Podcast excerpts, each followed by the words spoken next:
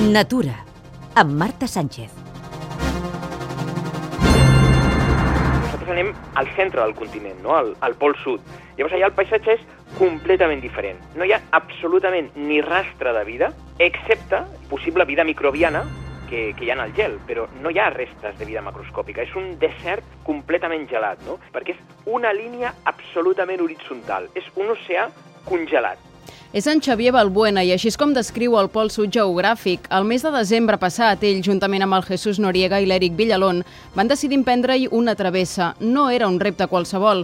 Tots tres tenen discapacitats que van fer més especial el que ja seria una aventura inoblidable.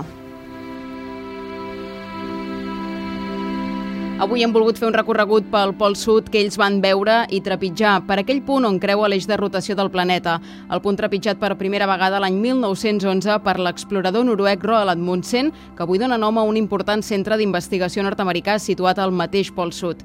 És, de fet, l'únic vestigi de vida humana que van veure els exploradors en gairebé dues setmanes de travessia. La base Amundsen Scott, una, és una base eh, nord-americana que està situada en el mateix pol sud. I llavors els edificis de la base es poden arribar a veure des de 7-16 quilòmetres de distància.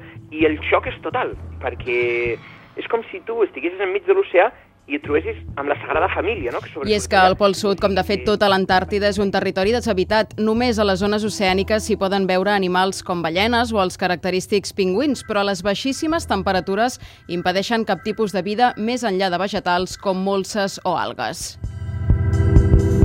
cobert en un 95% per una capa de gel d'un espessor de 3 quilòmetres i trobem temperatures que, en els casos més extrems, s'han arribat a situar als 88 graus sota zero. El que passa que ja sobre, sobre les temperatures antàrtiques, eh, d'alguna manera, mm, hi ha moltes temperatures. No? Per exemple, eh, la relació entre el que és la temperatura pura, que jo et dic, i el vent, és clau. No? És, és el que es diu sensació tèrmica o wind chill.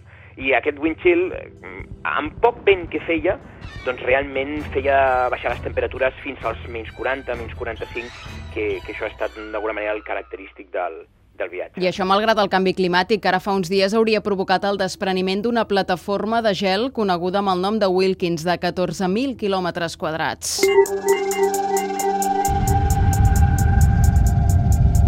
Es calcula que en els últims 50 anys han desaparegut fins a 25 quilòmetres quadrats de gel a l'Antàrtida. És un panorama desèrtic, de fred, neu, soledat, sensacions que el Xavier descriu d'aquesta manera. És que a vegades tenies la sensació de, de per tal com anàvem vestits, com funcionava tot, les precaucions que havíem de tindre amb el fred, les màscares que portàvem, de que estàvem realment eh, a sobre de la superfície d'un altre planeta, no? I aixecaves la vista al cel i deies, a veure si veuré el planeta Terra allà en el cel, però, però després, evidentment, t'adonaves no? de, que, de que estàs a la Terra, el que passa que eh, és com si estiguessis al cel. I abans d'acabar, no oblidem l'objectiu del viatge, trencar la imatge que la societat té de les persones discapacitades, desestigmatitzar-les, l'objectiu més que complert. Sabem que això dintre del que és la nostra vida, dintre del que és la capacitat nostra per ser feliç, és realment una anècdota.